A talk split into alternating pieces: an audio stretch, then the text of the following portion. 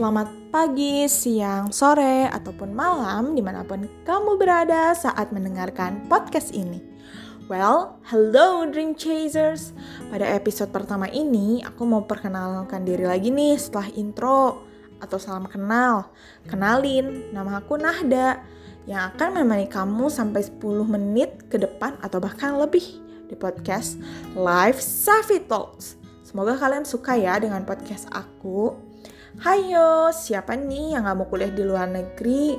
Entah untuk yang baru memulai kuliah jenjang sarjana atau melanjutkan jenjang magister, bahkan doktoral.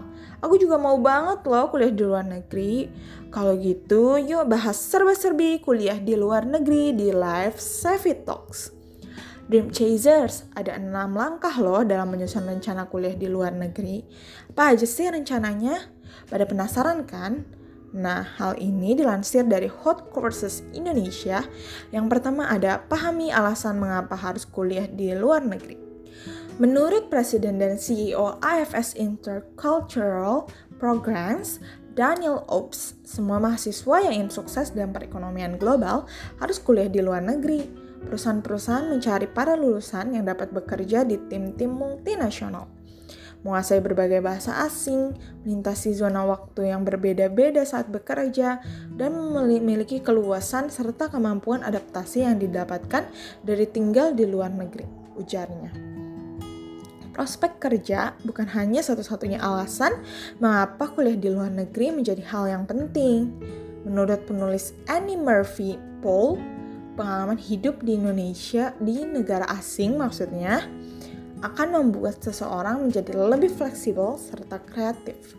Selain itu, individu yang pernah tinggal di luar negeri akan menjadi pemikir yang kompleks, sehingga lebih mudah mengatasi berbagai tantangan dalam hidup. Yang kedua, ketahuilah hal-hal mendasar yang perlu dipersiapkan. Kamu perlu belajar mandiri untuk bisa mengurus diri sendiri. Ketika berada di tempat yang asing dan menggunakan bahasa yang berbeda, setidaknya mulailah belajar bahasa asing Paling tidak supaya kamu dapat berkomunikasi di sana. Mulailah persiapan sesegera mungkin begitu kamu memutuskan akan kuliah di luar negeri. Ini karena kamu akan butuh waktu untuk memenuhi syarat pendaftaran, melakukan pendaftaran, mengajukan visa pelajar, dan mengerjakan persiapan lainnya. Terutama jika kamu ingin mengambil jalur beasiswa atau bantuan keuangan lainnya, atau biasa disebut financial aid atau emergency fund. Yang ketiga, ada cari informasi. Mulailah mencari informasi tentang program kuliah, syarat kuliah di luar negeri, cara mendaftar kuliah di luar negeri, atau beasiswa seawal mungkin. Dengan begitu, kamu akan punya cukup waktu untuk mempersiapkan semuanya dengan baik. Sebaiknya, kamu mulai memikirkan tentang jurusan yang ingin kamu ambil dan mencari informasi sejak kelas 2 SMA jika kamu ingin melanjutkan jenjang S1 atau bachelor degree.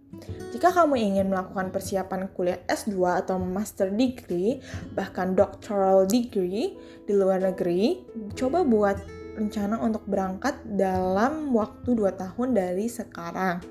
Yang keempat, ada menyiapkan biaya kuliah di luar negeri. Tentunya memerlukan biaya yang besar loh. Tenang, tenang aja, hal ini bisa dipersiapkan namun, kamu tidak perlu khawatir juga karena kuliah di luar negeri tidak selalu menguras tabungan. Buktinya, kuliah S1 di Jerman lebih murah jika dibandingkan kuliah di universitas-universitas elit di Indonesia. Selain biaya kuliah, kamu juga perlu menyiapkan anggaran untuk hidup di luar negeri. Biaya hidup ini dapat diringankan oleh penghasilan dari pekerjaan paruh waktu selama tidak mengganggu studimu. Kamu juga tidak perlu khawatir akan mendapat bayaran yang kecil, karena ada banyak negara yang menyediakan berbagai pekerjaan paruh waktu dengan bayaran yang layak. Contohnya adalah Australia yang menawarkan 5 jenis pekerjaan paruh waktu dengan bayaran yang besar. Kamu juga bisa melamar beasiswa loh seperti LPDP dan Tanoto Foundation dan masih banyak lagi beasiswa tergantung negara yang ingin kamu tuju.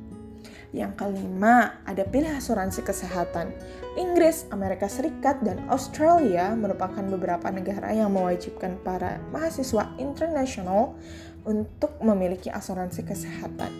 Biasanya, kamu akan direkomendasikan untuk membeli polis di penyedia asuransi yang telah menjalin kemitraan dengan universitas yang kamu tuju. Namun, ada sebagian universitas luar negeri yang membebaskan para mahasiswa internasional untuk memilih penyedia asuransi sendiri, asalkan polis asuransi kesehatan yang dibeli sesuai dengan syarat dan ketentuan dari pihak universitas. Yang keenam, cari tahu cara-cara untuk mengatasi homesickness loh. Ini juga penting bagi sebagian mahasiswa internasional dari Asia, kuliah di luar negeri adalah momen pertama di mana mereka harus berjauhan dengan keluarga dalam waktu yang cukup lama. Karena itu, perasaan kangen pada kampung halaman tentu sering mereka alami. Untuk mengantisipasi hal ini, kamu bisa menelusuri berbagai macam teknologi untuk bisa tetap terhubung dengan keluarga di Indonesia, seperti video call atau aplikasi messaging. Pihak universitas di luar negeri juga biasa menyediakan berbagai layanan untuk membantu mahasiswa internasional berbaur dengan komunitas kampus serta memberikan bimbingan atau konseling untuk masalah-masalah akademis dan pribadi. Setelah merencanakan itu semua, kamu bisa memilih kampus impian kamu. Berikut ada top 5 universities menurut Time Times Higher Education. Ini top 5-nya di dunia loh, bukan di lokal aja. Nah, kita langsung aja ke universitas yang pertama ya. Diduduki oleh University of Oxford. Adalah perguruan tinggi tertua berbahasa Inggris yang berlokasi di kota Oxford, Inggris. Proses belajar mengajar di Oxford diperkirakan telah dimulai sejak tahun 1096. Tetapi tanggal pastinya universitas ini didirikan tidak diketahui. Universitas yang kedua ada Harvard University. Ada universitas swasta di Cambridge, Massachusetts, Amerika Serikat, dan merupakan anggota Ivy League. Universitas ini didirikan pada 8 September 1636 dan merupakan perguruan tinggi tertua di Amerika Serikat.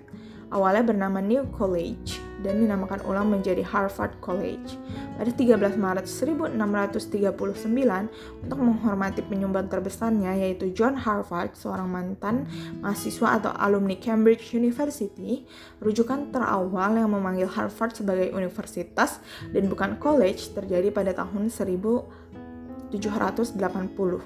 Harvard mempunyai pendapatan terbesar di antara universitas-universitas di seluruh dunia sekitar 22,6 miliar US dollar pada tahun 2004. Yang ketiga ada California Institute of Technology, biasanya dikenal dengan Caltech. Adalah sebuah universitas swasta yang terbuka untuk laki-laki dan perempuan dan terletak di Pasadena, California di Amerika Serikat. Universitas ini merupakan salah satu universitas paling terkemuka dalam riset Caltech mempertahankan penekanan kuat dalam ilmu alam dan teknik. Caltech memiliki dan mengoperasi kompleks penerbangan luar angkasa autonomous yang memimpin di dunia. Dikenal dengan Jet Propulsion Laboratory. JP, JPS mengamati desain dan operasi dari banyak penjajakan luar angkasa NASA. Tidak seperti National Laboratories atau Laboratorium Nasional seperti Amerika Serikat dan pusat luar angkasa NASA lainnya, fasilitas JPS hanya dalam kontrak ke pemerintahan. Yang keempat ada Leland Stanford Junior University yang lazim dikenal sebagai Stanford University adalah sebuah universitas swasta yang terletak kira-kira 60 km di tenggara San Francisco dan kira-kira 30 km di timur laut Saint Jose di wilayah Kabupaten Santa Clara yang belum diresmikan sebagai kota. Stanford University terletak dekat kota Palo Alto, California, Amerika Serikat. Stanford University terletak di kampus universitas kedua terbesar di dunia. Yang kelima, ada Massachusetts Institute of Technology atau biasa disingkat MIT, adalah institusi riset swasta dan universitas terletak di kota Cambridge, Massachusetts, tepat di seberang Sungai Charles dari distrik Back Bay di Boston, Amerika Serikat. MIT memiliki lima sekolah dan satu college, mencakup 32 departemen yang mengkhususkan diri pada sains dan penelitian teknologi. Didirikan tahun 1861 sebagai respon atas kemajuan teknologi dan industri di Amerika Serikat pada saat itu. Universitas ini mengadopsi Universitas Serikat ala Eropa dalam kurun waktu 60 tahun belakangan ini. MIT telah mengembangkan cabang lain seperti manajemen, ekonomi, ilmu politik, dan biologi. Nah, itu tadi penjelasan tujuh langkah dalam menyusun rencana kuliah di luar negeri dan top 5 world universities menurut Times Higher Education. Semoga dengan podcast ini dapat menambah semangat dream chasers ya dalam menuntut ilmu atau belajar hal apa pun yang dream chasers sukai. Tidak lupa juga semoga podcast ini bermanfaat ya bagi kita semua. Terima kasih sudah mendengarkan dan sampai jumpa di podcast episode selanjutnya. Bye bye.